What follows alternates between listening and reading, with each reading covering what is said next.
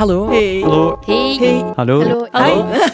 Welkom bij de kleine podcast van de Karel de Grote Hogeschool. Hier hoor je echte verhalen van studenten op KDG. Hoi, wij zijn Nuno. En Lenny van Anti-Static. We hebben een printfarm opgericht in het centrum van Antwerpen. Van het 3D-ontwerp tot het 3D-printen, daar kunnen wij ons voor zijn. Hey, ik ben Femke van Femkes Granola. Ik maak ambachtelijke granola helemaal zelf en ik verkoop die aan zeven exclusieve verkooppunten en via de webshop. Hey, ik ben Jelle van Jelle Jan Segers Photography. Ik maak foto's op een spontane, ongedwongen manier. Eh, Dus niks moet, alles kan en het moet er gewoon uitzien zoals het echt is in de werkelijkheid. En wij zijn allemaal oud-studenten van KDG met een eigen zaak. En ik studeer zelfs nog, stel u voor.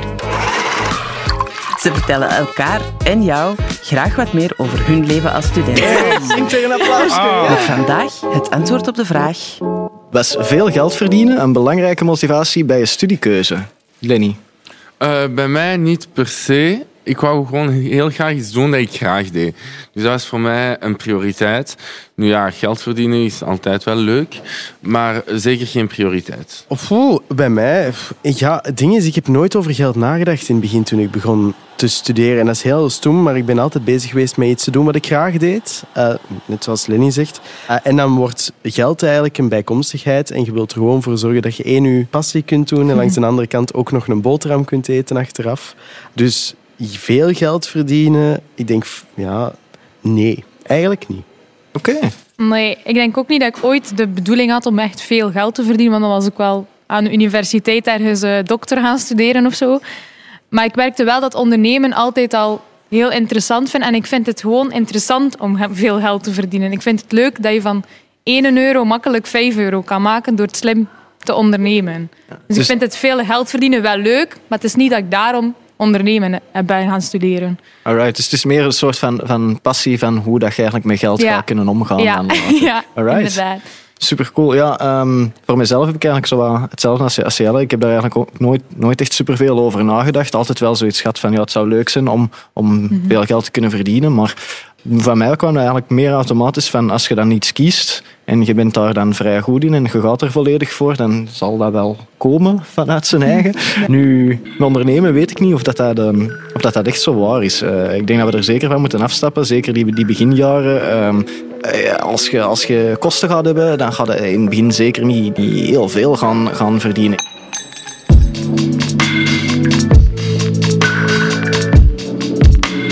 Maakte je eigenlijk al van in het begin geld? Of is dat eerder een soort, soort van pre?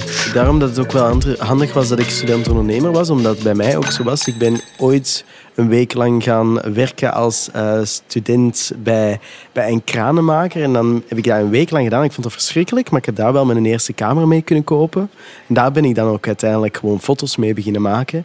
Maar het was wel altijd het geld dat ik verdiende, ging naar investeringen, waar dat ik dan iets meer mee heb kunnen kopen, waar ik weer meer mee kon aanbieden. Ja, ja dus ik denk, denk dat we hier eigenlijk wel hard een trend zien, inderdaad. Maar ik, ik denk als, als ondernemer moet je geld een beetje meer zien als, als een soort van middel om je onderneming verder te laten groeien dan eigenlijk het einddoel van je onderneming. Het, het- er gaat wel een moment komen waarop dat, dat het einddoel gaat zijn en dat je gewoon je pre kunt, kunt krijgen, maar dat is eigenlijk nog vrij saai.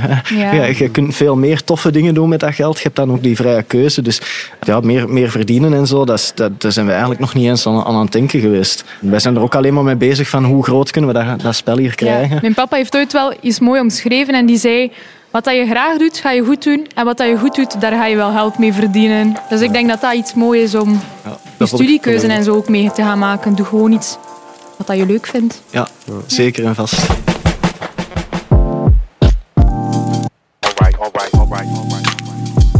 Oké, en als je eh, naar je studies kijkt, eh, was er toen eigenlijk een, een periode waar dat je al winst aan het maken waard?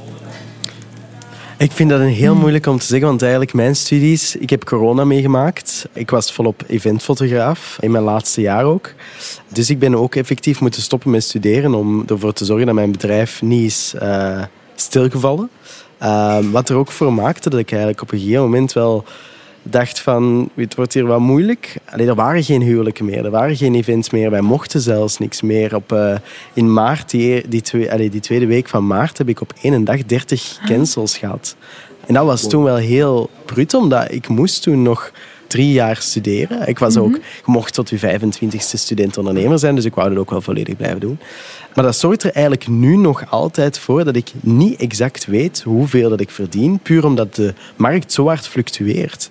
In corona waren er geen huwelijken. Uh, dan het jaar na corona waren er ineens vier keer zoveel huwelijken. En dat merken wij nu ook, maar dat blijft wel zo. Het is nu nog altijd maar één jaar na corona. En nog altijd is het zo... Wat gaat er nu veranderen? Is het nu omdat ik goed bezig ben? Of is het nu gewoon omdat de markt heel, uh, heel interessant is op dit moment? Uh, dus ik, ik kan het niet exact zeggen, maar ik denk wel dat ik winst maak. Alright, mm -hmm. oké. Okay. En, en hoe zit dat ja, bij u? Ik ben iemand, ik ben nogal een madame van de cijfertjes. en ik vind dat wel heel leuk om dat allemaal bij te houden. En ik zit ook met een makkelijk idee. Hè. Ik koop grondstoffen in, ik maak granola en ik verkoop die terug. En zo begon ik, dus ik maakte snel winst. En ik had ook al heel snel door dat ik mij een beetje moest inhouden. Want als studentondernemer heb je een bepaalde grens dat je niet boven mag gaan. Of je bent geen studentondernemer meer. Dus maakte ik winst, ja. Maar ik heb het ondertussen ook wel allemaal alweer geïnvesteerd. Dus ja, ja het blijft leuk om geld te verdienen. Hè. Ja, ja. ja. Ja, dus, dus bij, bij ons was het eerder, in plaats van maken we winst, is het eerder van welk nieuw toestel gaan wij aankopen. Ja. Um, we, maakten winst, maar we investeerden ons winst. Ja, non-stop. We hadden, direct, allez, we hadden praktisch direct winst. Geen grote, grote getallen natuurlijk begin. Maar uh, ja, alles wat we kregen, investeerden we in nieuwe toestellen. Ja, en zo, zo zijn we eigenlijk nog altijd, uh, nog altijd wel een beetje bezig. We proberen dat toch gestaag te laten groeien. Toch dat we iedere keer aan een 10% groei zitten van vorige maand. Dat is, uh, dat is toch wel een, een ideaal wat we wat we proberen te krijgen.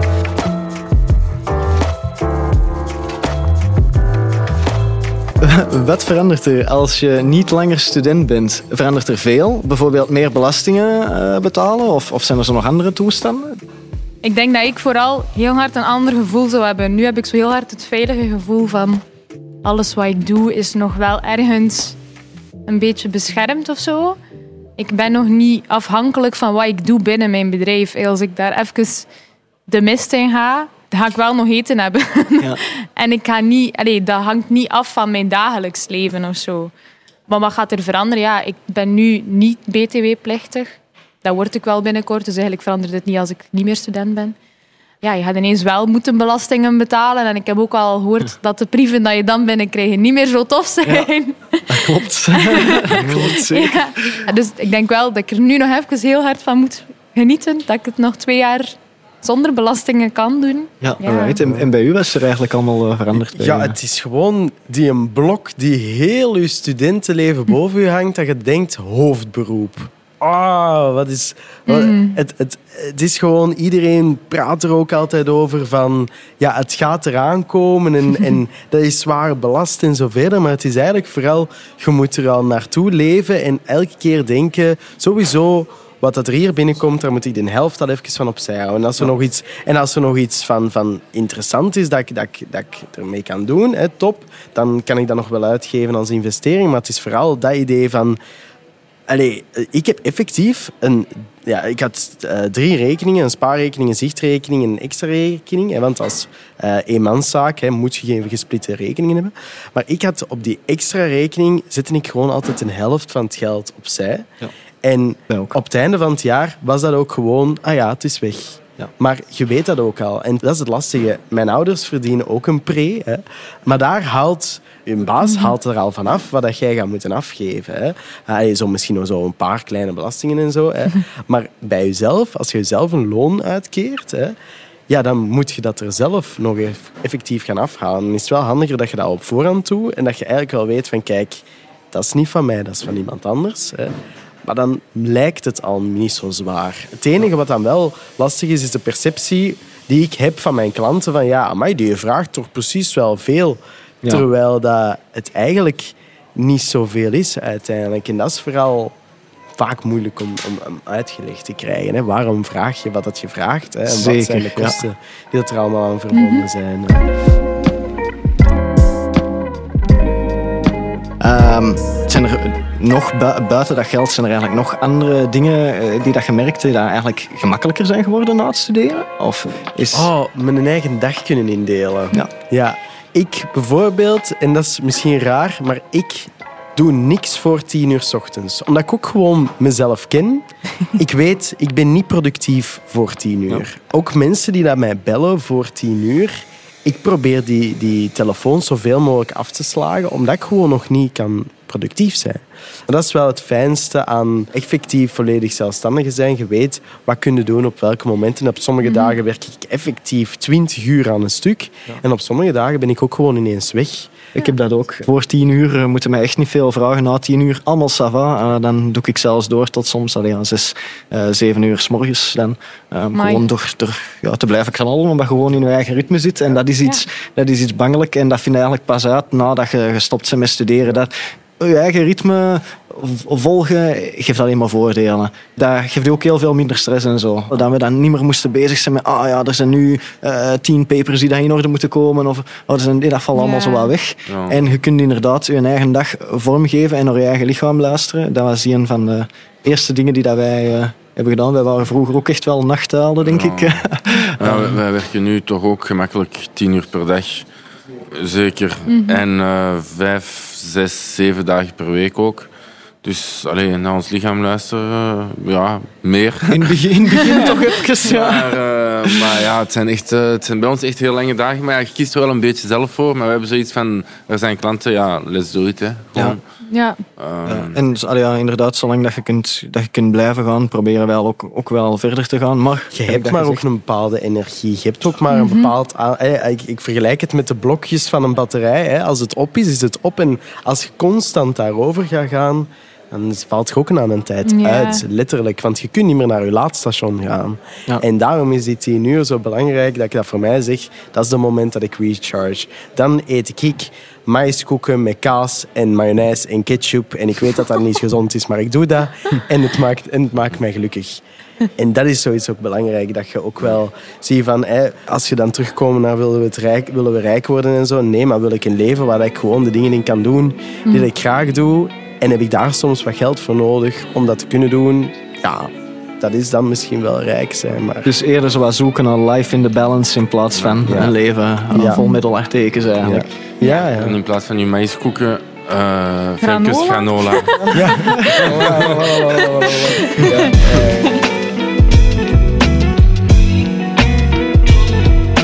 Voilà, hopelijk heb je nu al meer een idee over hoe het is om te studeren.